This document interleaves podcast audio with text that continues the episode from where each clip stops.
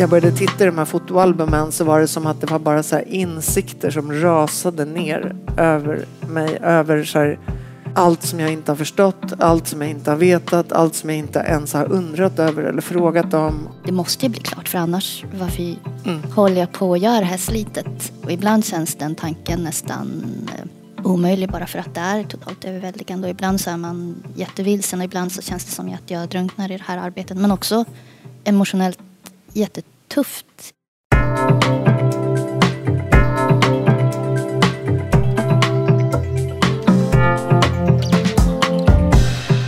Hur arbetar konstnärer runt om i landet med grafik idag? Följ med oss på Grafikens hus som är ett museum och en mötesplats för konstformen grafik i Södertälje. När vi nu fortsätter vår poddserie där två konstnärer från olika generationer pratar om relationen till grafik, beröringspunkter och frågeställningar som ryms inom deras konstnärskap. Det här är Grafikens hus podcast och jag heter Anna Henriksson.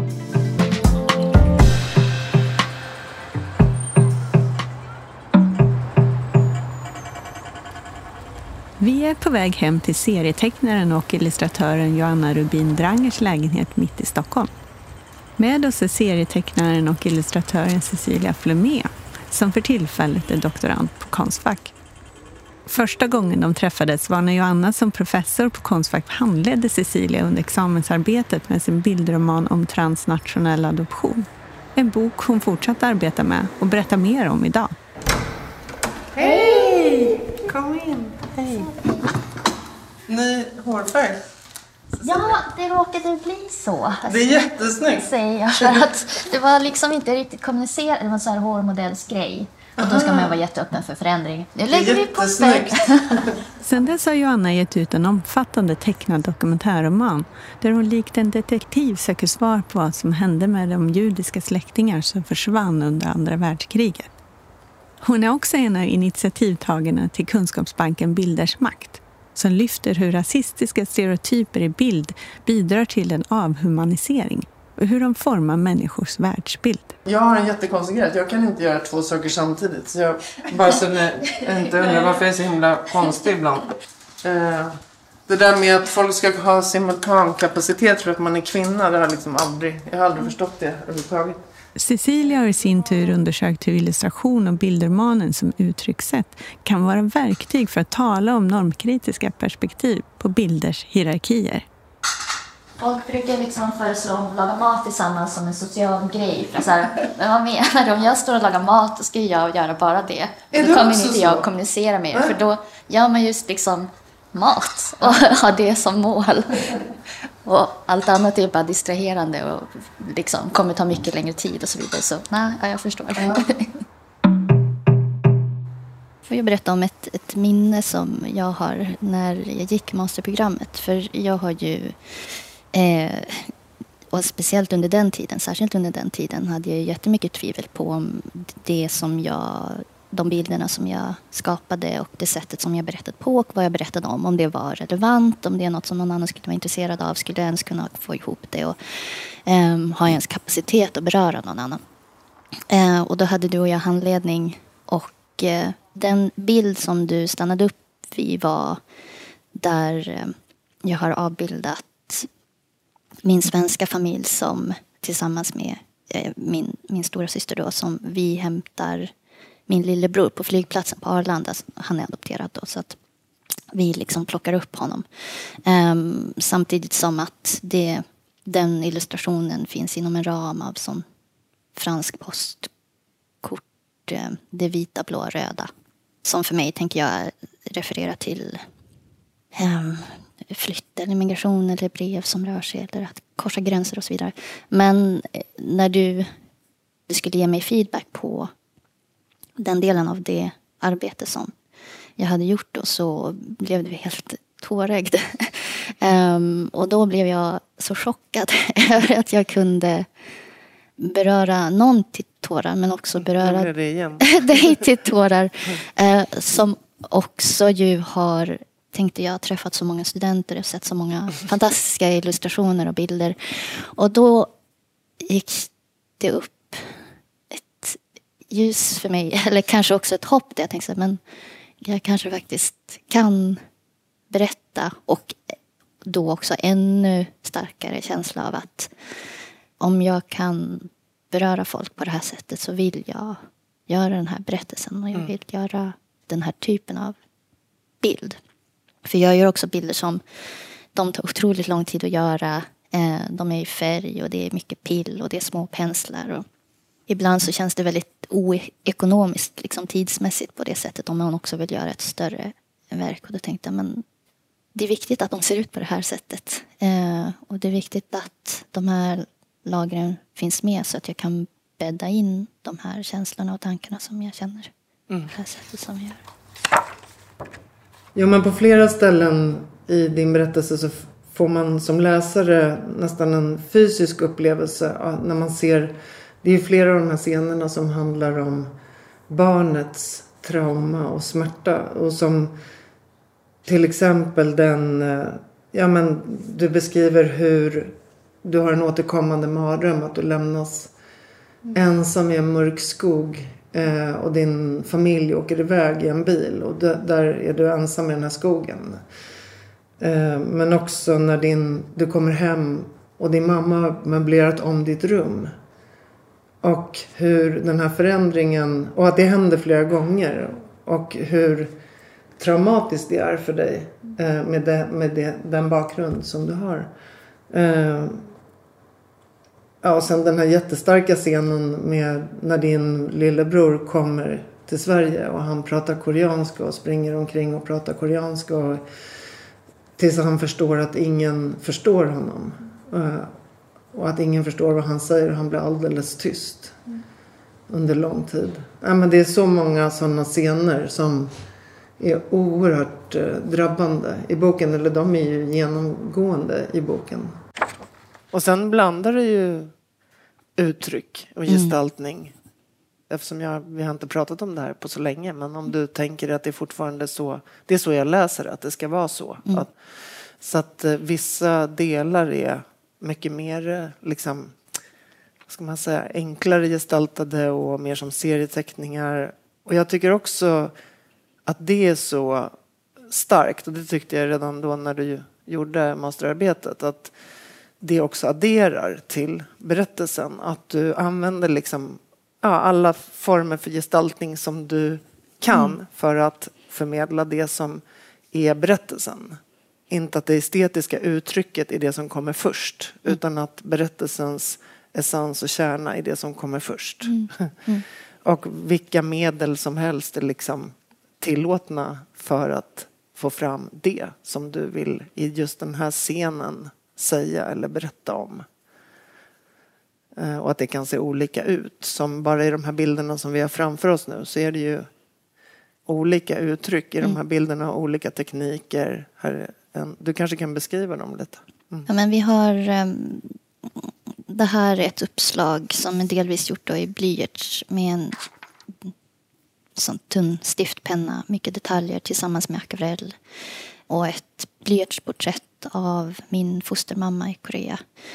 Och det finns en karta med på den här bilden men man kan ju se att porträttet är gjort med fotoreferensbilder. Och det är vanligt att jag jobbar så. Eh, medan den här bilden som är en illustration av mig som barn tillsammans i huset där jag växte upp med min svenska mamma.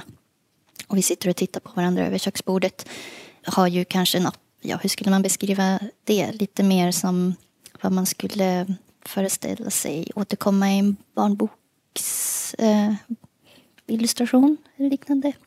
Där jag ju inte har använt mig av någon fotoreferens och du kan väl också beskriva det här rummet för att det känns ju också som att det är en viktig del av bilden. Ja, för att avbilda hemmiljön, hemmiljöerna där jag växte upp kommer att bli ganska viktigt för att eh, stora delar av min berättelse handlar också om klass, att göra en klassresa från att vara uppväxt arbetarklass ute på landet i Norrland. Eh, dels vill jag visa det som är arbetarhemmet och att i just den här bilden så är det en massa furu och furuväggpaneler som det eh, såg ut i det hemmet där jag växte upp och en, en hel stor klumpig taklampa i furu och mammas eh, porslins, eh, vad heter det, blomkrukor och så vidare. svarvade furuträben. Men även objekt från de här miljöerna som ornament och dekorationer som jag försöker visa på är viktigt. Inte då bara för mig som person, för det är de. För det är också att visa på, berättar om kärlek till hemmet och en mor som dekorerar och vill ta hand om hemmet. Men att det är också objekt som i många ögon anses vara kitsch och ha lågt värde. Men också att det är utifrån, om man tittar från konsthistorien så är ju ornamentik något som där man tagit från ornamentiken värde.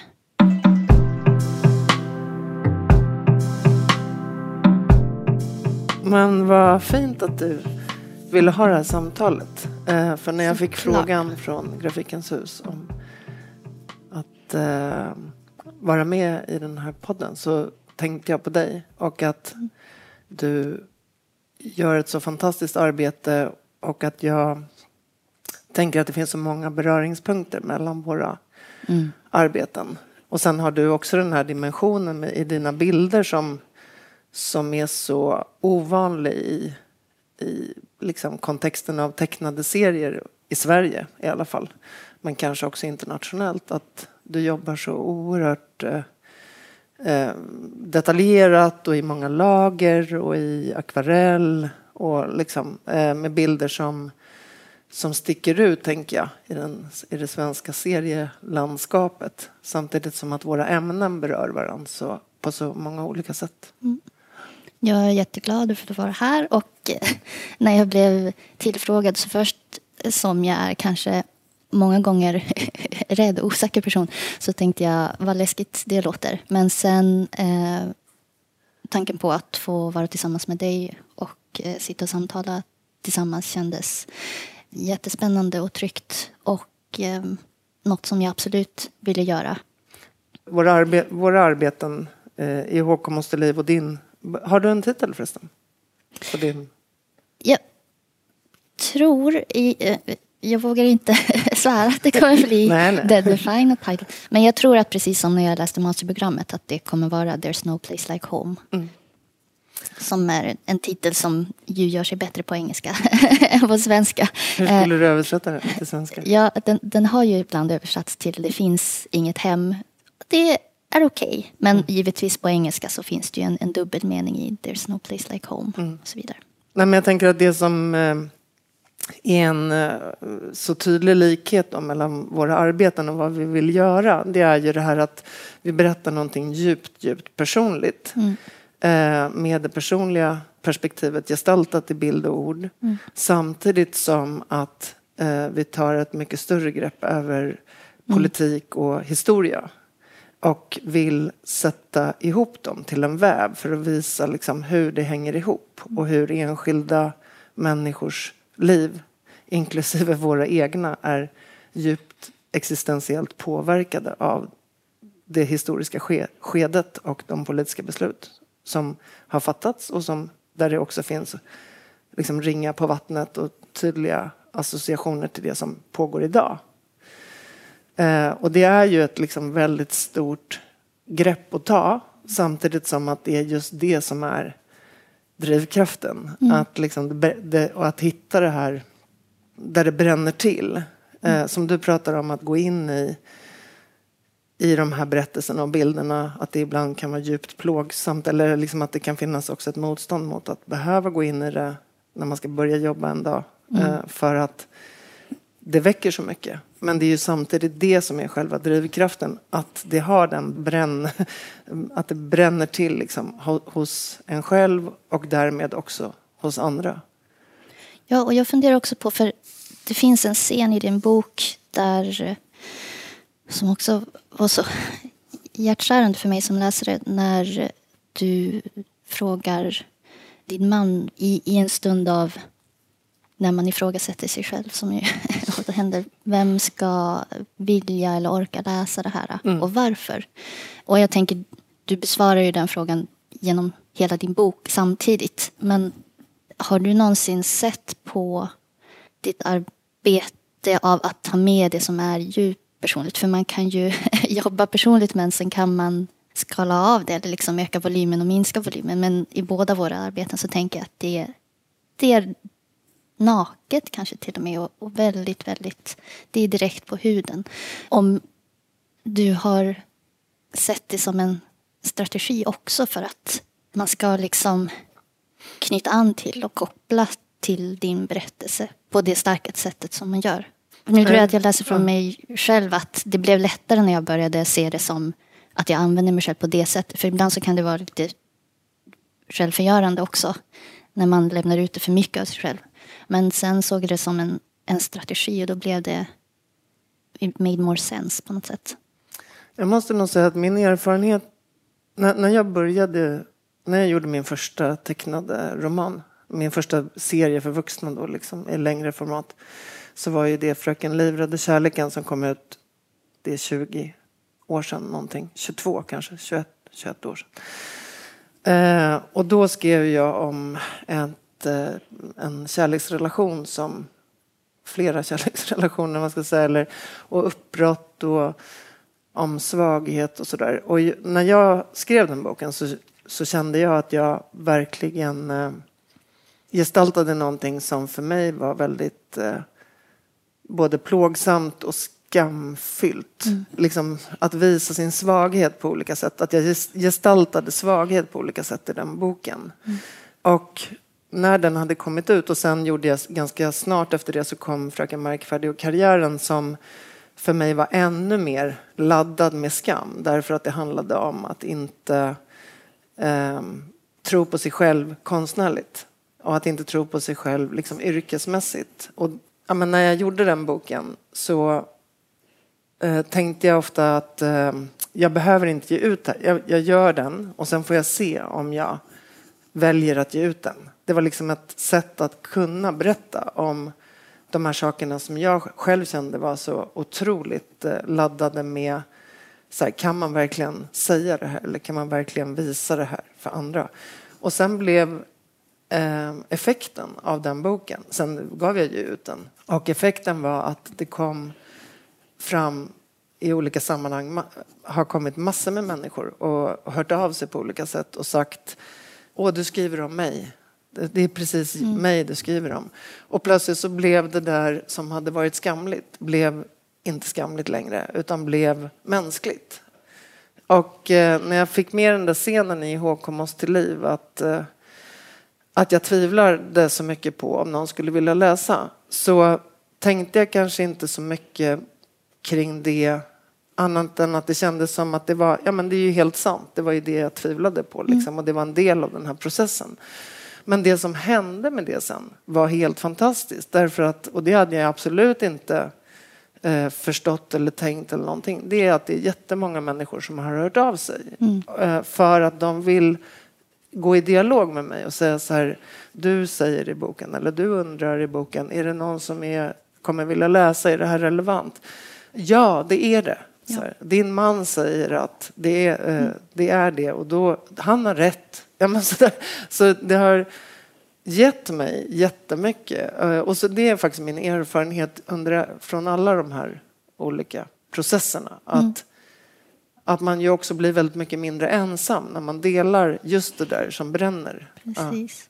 Ja. Och jag kände exakt likadant när jag läste just det. Men också i en, i en förvåning, för jag tänker också, men Johanna som är så fantastisk och som har den karriären med sig och har varit professor på Konstfack. Så här, hur, hur kan hon betvivla sig själv och sitt arbete? Och det är ju också att jag får känna med dig och även du har, har den typen av tvivel och känslor när du jobbar.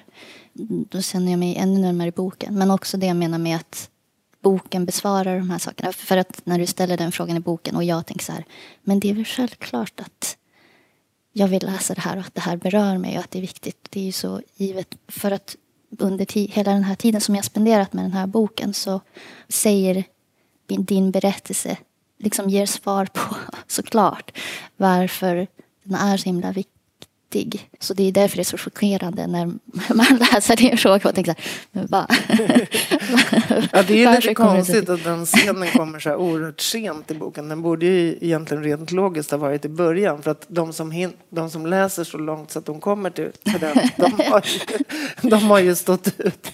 Ja, men därför jag tänker också det, det kanske är en medveten strategi. Men den frågan kommer också från, för nu, jag, jag tror vi pratade lite snabbt om det här för några veckor sedan, men att befinna sig i en kontext som handlar om forskning. Nu får jag forska mot just illustrationsfältet och om illustration. Men om jag skulle ha befunnit mig i en annan typ av institution då kanske inte lika självklart att man använder sig själv som subjekt, att det är lika godtagbart eller accepterat. Ehm, och kanske skulle ha blivit ifrågasatt av det. Och det känner jag väl också att jag får försvara till viss mån när jag jobbar nu. Även om jag tänker att man får visa på på vilket sätt det är viktigt. Och då, som vi har pratat om, så för min del så är det nu viktigt för att det också har blivit en strategi. Du kallar det för, för en nerv och jag tänker att det är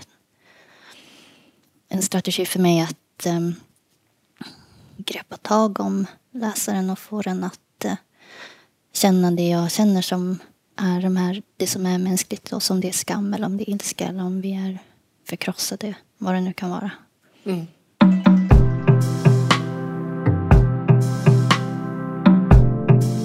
Det här är ju en sån massiv bok och när jag satt och läste den, det tog mig jättelång tid att läsa den och det ska det också göra tänker jag för att det hade varit konstigt annars med det här innehållet och den här tyngden och det emotionella som jag måste gå igenom när jag tar mig igenom den här boken och de här resorna och de här äh, livsödena som jag får lära känna.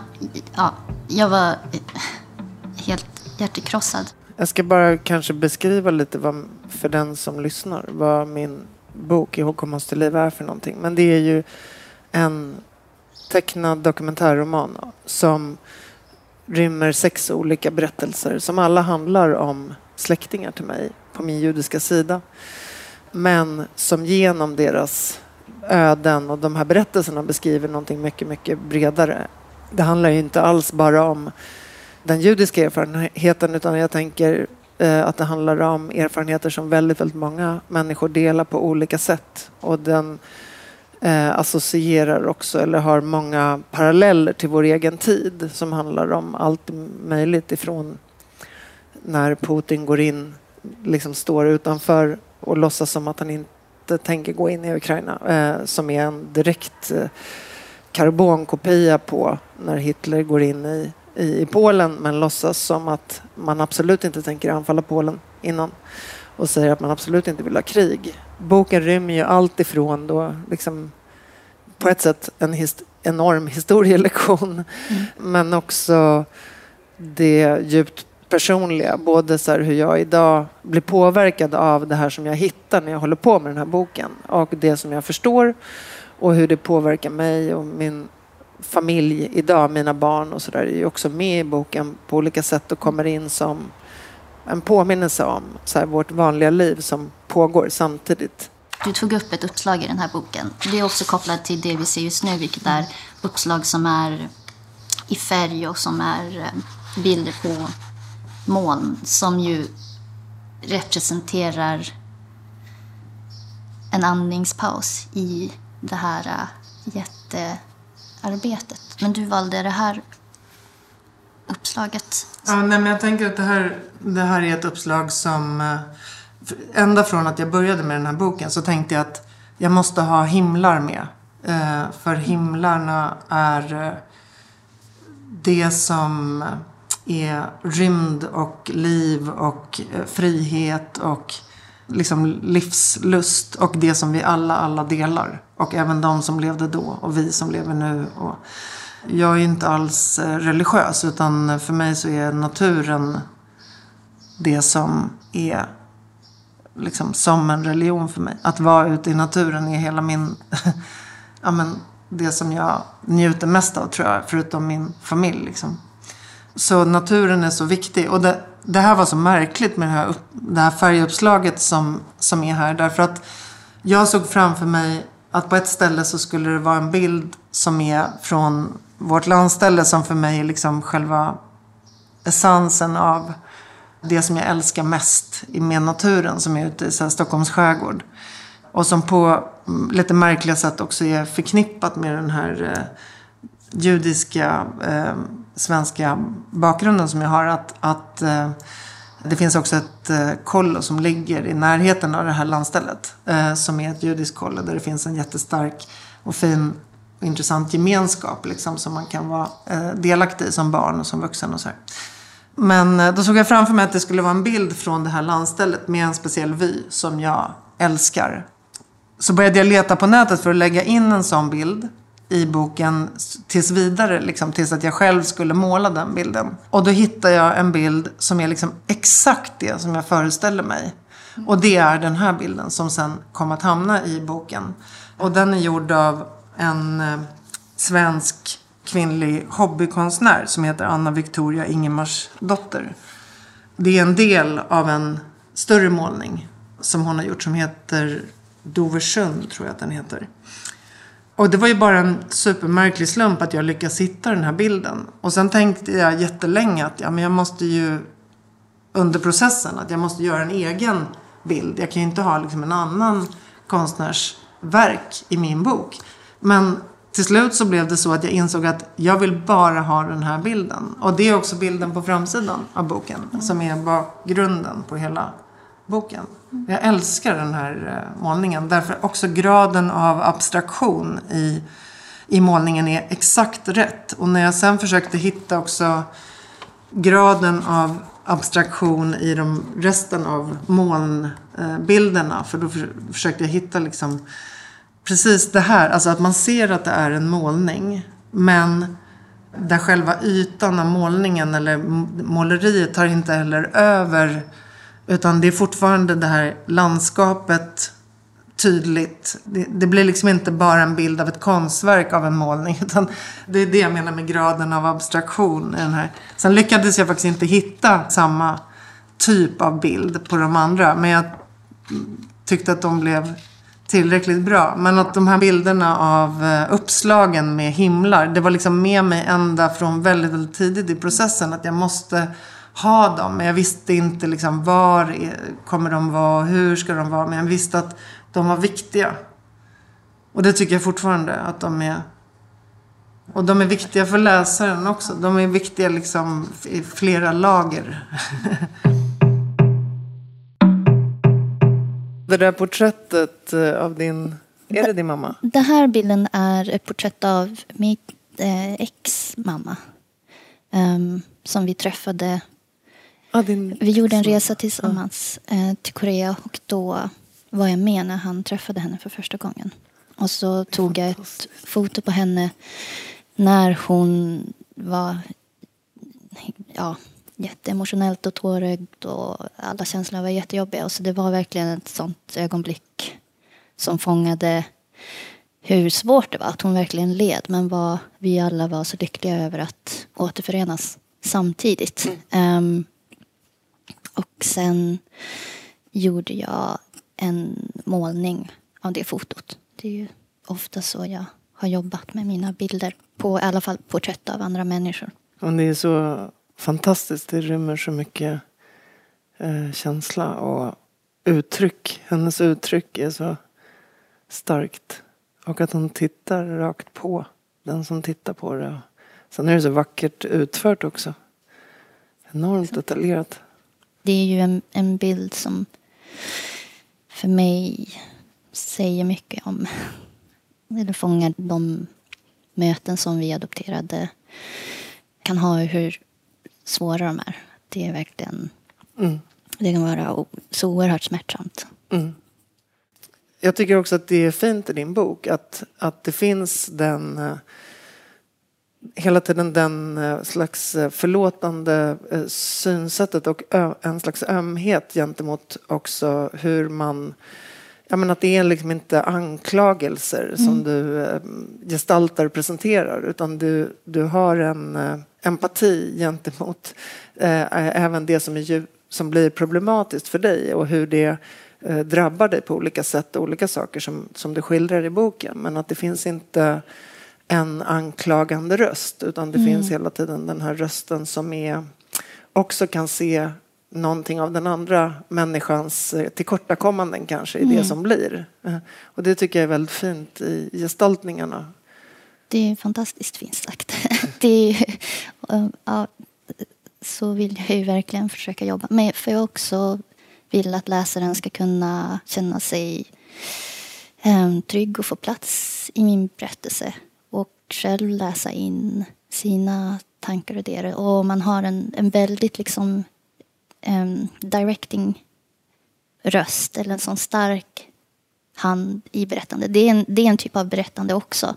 Men att jag ville nog mer, passiv är kanske fel ord, men inte ha den utan att man, man lämnar mycket öppet för tolkning. Sen finns det, jag tänker att jag är ganska tydlig med att jag har en, en agenda och att det finns liksom absolut åsikter och, och värden i min bok. Men att i så mycket som att det är möjligt så undviker jag att försöka skriva någon på näsan eller säga att det här är rätt eller fel eller det är en typ av polemik eller att det är väldigt viktigt.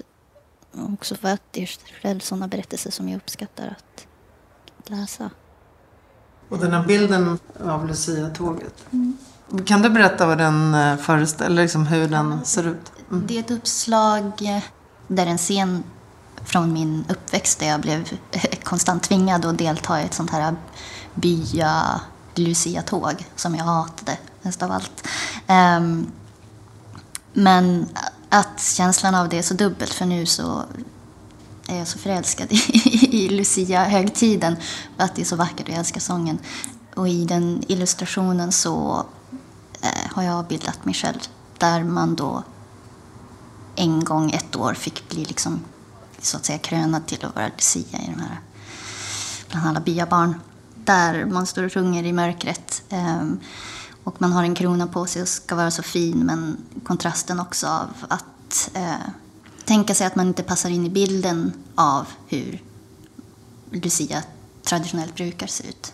Blond och Bilden som du har gjort den är oerhört detaljerad, den är i färg. Det är också en sån akvarellbild som är liksom minutiöst. Är det från ett foto förresten?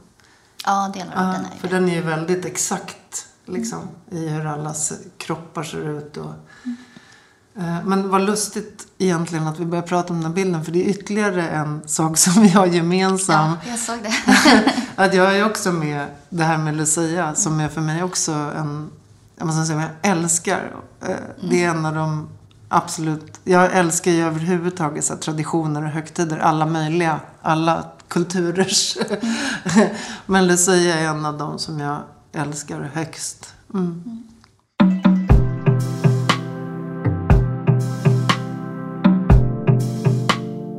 På det här bordet så ligger det, det är inte en illustration, men det är en utskrift av ett, en del av mitt adoptionsdokument. Och då tänker jag, för att jag när jag läste din bok så satt jag och noterade som var mest uppenbart av det som vi har gemensamt och sen de sakerna som, som sätt vi jobbar olika på.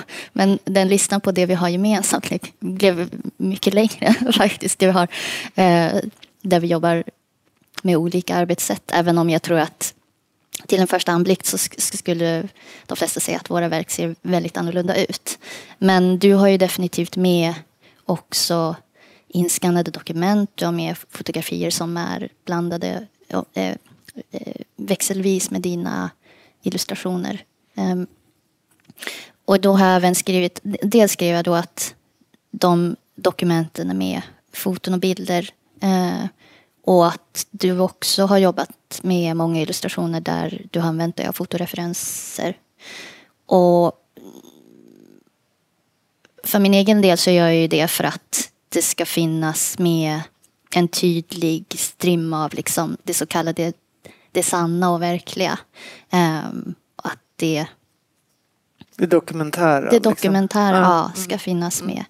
Kan du, hur, vad- hur har dina tankar kring de elementen Ja. varit? Vid, någon, vid något tillfällen i min process så bestämde jag mig för så här, jag ska gestalta det här på alla, ja, precis det som vi pratade om med dina bilder. Eh, som jag tänker när jag ser dina bilder, men liksom att jag ger mig själv tillåtelse att gestalta det här på alla sätt som jag kan eh, för att berätta den här berättelsen. Och det innebär också att jag vill eh, eh, teckna av fotona ibland för att jag vill också få en känsla av, ni vet, att det inte är så här eh, att det som är i nu och i våra liv är i fyrfärg och på ett, gestaltat på ett sätt och det som är dåtid är gestaltat på ett annat sätt. Utan jag ville att de som levde då skulle framstå lika levande som vi som lever nu. Eh, och de som har varit försvunna i vår familj då liksom eh, ges liv på samma sätt som eh, jag ger liv till de här vardagsscenerna i, med mig och min familj. För att det var ju det liv som de levde. Eh, så därför så tecknar jag ju av dem eh, fotona ibland och ibland så är det fotona. Och ibland så är det både en teckning av fotot och fotot. Och sen ritar jag, tecknar jag dem också naivistiskt ibland när jag berättar om dem. Mm. Det tycker jag är väldigt inspirerande i, från mangakulturen. Att det här att eh, karaktärer kan vara liksom gestaltade på ett sätt och sen på, i nästa bild så är de små eh, supergulliga naivistiska figurer. Jag älskar det för, för mig är också mitt liv väldigt mycket så att jag krymper och växer och blir liten och blir stor hela tiden. att så ser liksom hela tillvaron ut tycker jag. Att man, att man har den där lilla jag i sig hela tiden. Men man behöver ibland också vara väldigt stor liksom. Mm. Mm.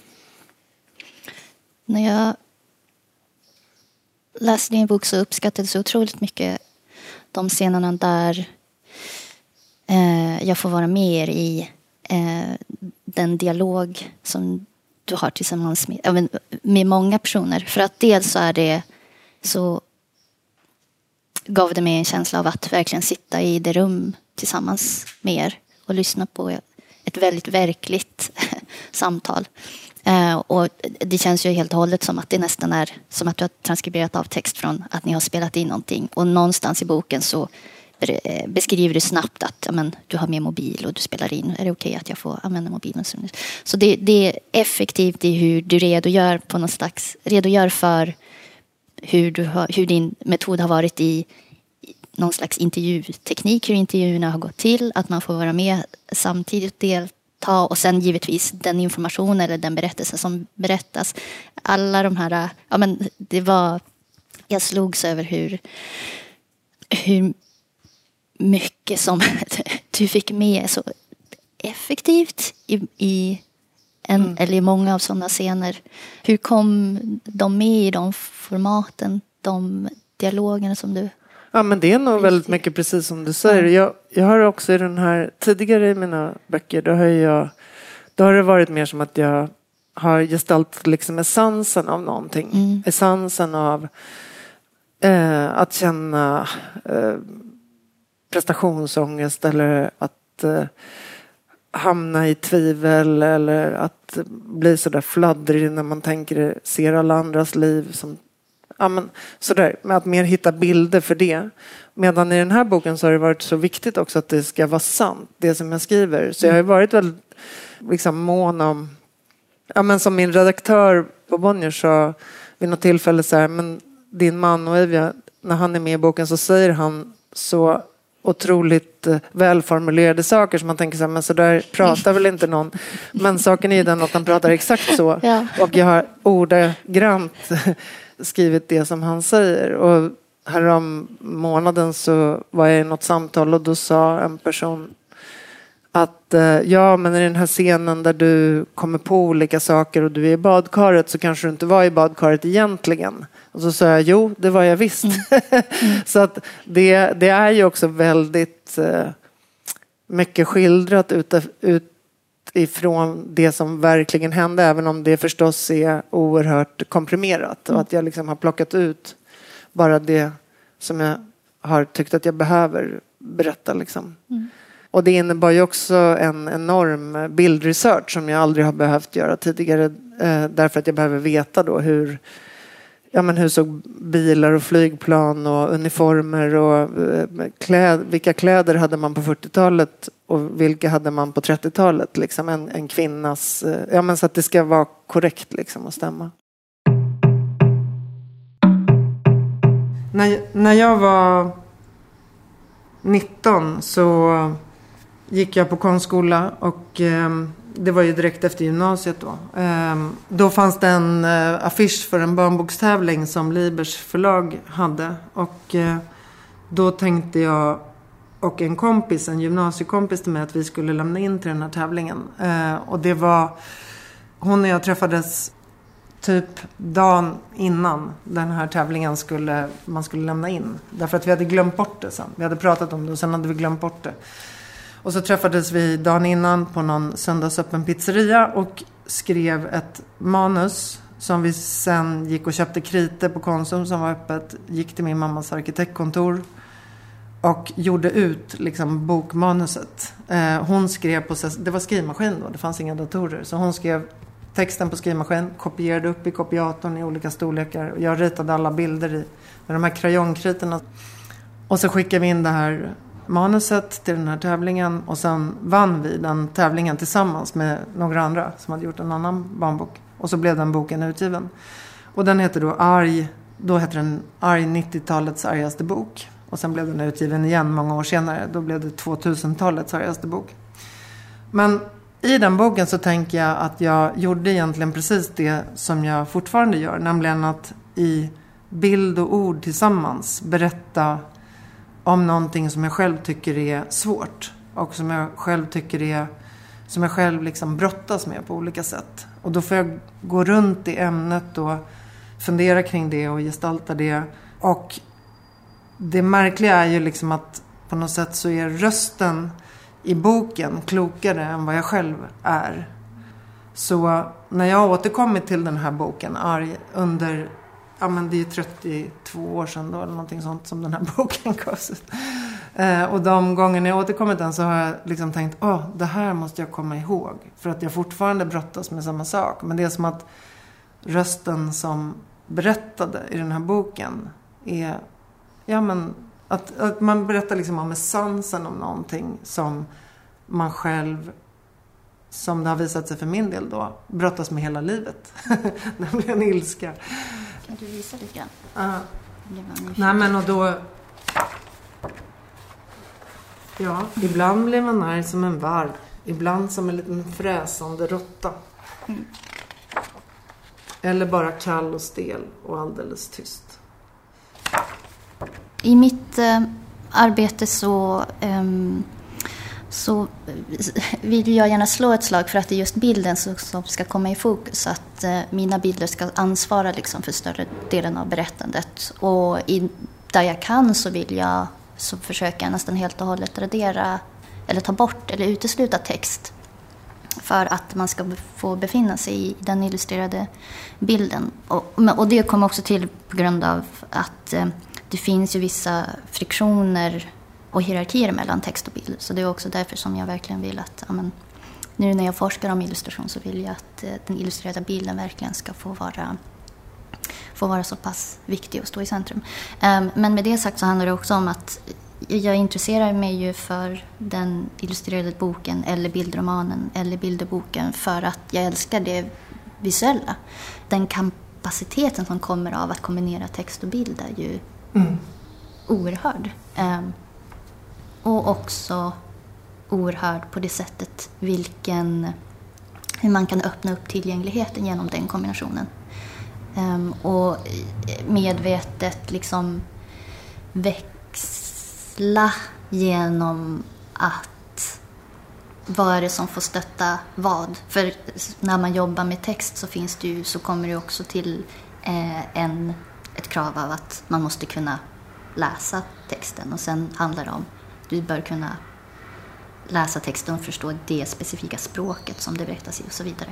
Men i kombination med bild så kan man överkomma sådana gränser. Och sen finns det ju givetvis det som är semantiken, alltså uttolkandet av den skrivna texten.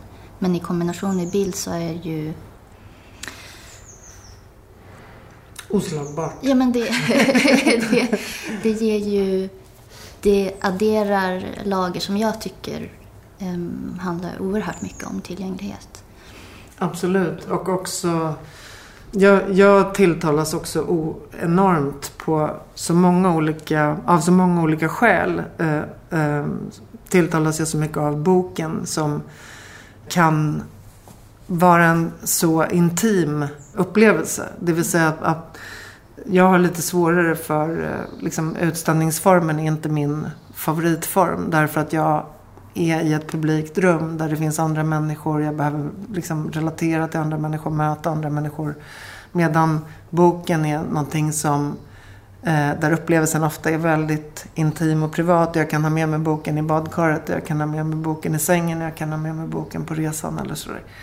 Och eh, att den kan nå ut till så väldigt många människor oavsett var man befinner sig någonstans.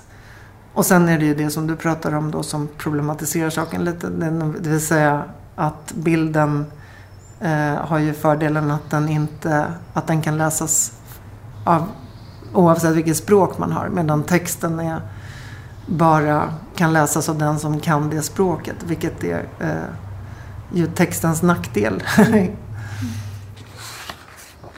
det finns många likheter i våra berättelser eh, vårt sätt att berätta på. En sak som där det skiljer sig åt väldigt mycket är ju att den berättelse som kommer fram genom text är ju väldigt mycket större än den som finns i min bok men är också oerhört betydande. Så att, vilket betyder att i det här projektet så har du, du har ju helt enkelt skrivit enormt mycket.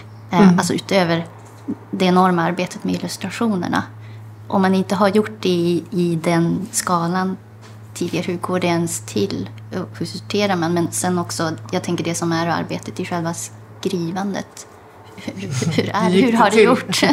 ja, nej men processen med att göra ihågkommas till liv utifrån det material som jag hade fått fram under researchen eh, har varit, precis som i mina tidigare böcker, faktiskt helt liksom, dynamisk. Att jag har aldrig liksom, ett manus utan jag har scener eh, som jag eh, skriver upp eh, på olika sätt och försöker sortera i och sådär. Och sen gestaltar i helt olika ordning. Alltså jag har liksom inte ett manus från A till Ö. Det har jag aldrig haft när jag har skrivit någonting eller gjort någonting. Utan mer som, tänker jag, när man tecknar en krokibild. Att man liksom jobbar med hela bilden samtidigt och inte ritar klart en del först och sen den andra delen. Jag har ju väldigt lite kontroll liksom, under hela processen på något sätt över vad kommer det här att bli? Kommer läsaren veta vem den här personen är när den läser det här? Eller, eller kommer det ha varit presenterat tidigare eller inte? Eller sådär. Jag har verkligen sett när jag jobbar med den här boken att jag använde all min intellektuella kapacitet, all min koncentration. All, liksom varenda hjärncell var på så här hög var, Jag har aldrig ansträngt mig så mycket med någonting i hela mitt liv som med den här boken. Jag, och jag känner också så här, jag har gett allt. Jag har gett liksom alla mina känslor, alla min, all min intellektuella kapacitet, all mitt fokus, all min tid. Jag har liksom inte sparat på någonting. mm. Vilket också på ett sätt var härligt uppslukande att vara i. Att känna så här, det här är värt så här mycket för mig att berätta det här. Alltså jag tyckte det var så meningsfullt att hålla på med. Och samtidigt så blir det också det här eh, tvivlet som jag haft. Att tänk om ingen annan vill läsa. Det har ju också varit väldigt på så sätt plågsamt. Att eftersom jag själv har tyckt att det här är så oerhört viktigt och relevant på så många sätt. Så om ingen annan hade velat läsa, eller väldigt, väldigt få hade velat läsa, så hade ju det också varit ödsligt och eh, sorgligt. Medan jag känner ju också att den responsen som jag sen har fått efter boken kom ut, den har ju också gjort att jag känner mig oerhört stärkt, tryggare i världen. Att så här, ja, om andra tycker att det här är viktigt, då blir jag också tryggare i den värld som jag är i.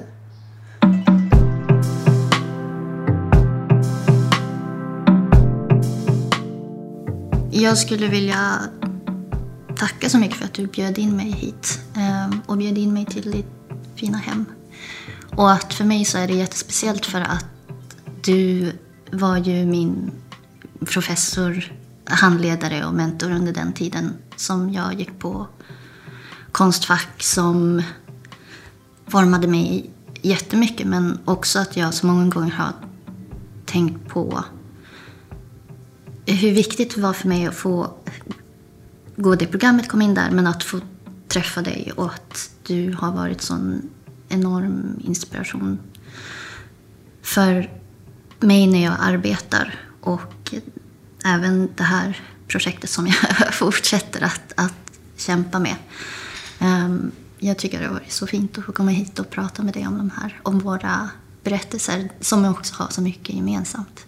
Det finns många beröringspunkter. Mm, verkligen. Nej, men jag är jätteglad för att, eh, för att du ville vara med och för att eh, jag har fått se ditt arbete igen. Mm. För när jag fick det i mejlen veckan jag ju, minns ju det så starkt men det är ändå helt annorlunda att ha det framför sig igen efter de här åren. Och att jag också blev inspirerad när jag läste det. För det är också den typen av arbeten som inspirerar mig. Så det blir en slags kretsgång. när jag blev jätteinspirerad. Eh, och jag ser så mycket fram emot när den här boken ska komma ut. För den är otroligt viktig. Och kommer att förändra många människors synsätt men också eh, påverka människor så som vi, du och jag, har blivit påverkade av andra människors verk och hjälpta kan man ju säga. Av att man blir, av att läsa någon. Därför jag tänker också drivkraften, gissar jag för dig, liksom för mig, i det vi gör. Det är ju liksom att formulera någonting som inte har formulerats på det sättet tidigare. Och att fånga det på alla de sätt som man kan. Och liksom göra de berättelser som man själv har saknat.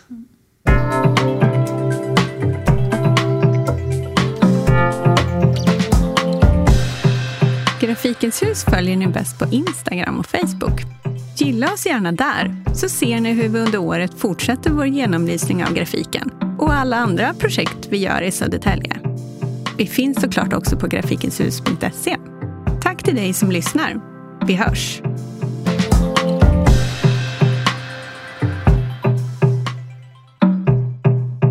Det här programmet görs på Beppo.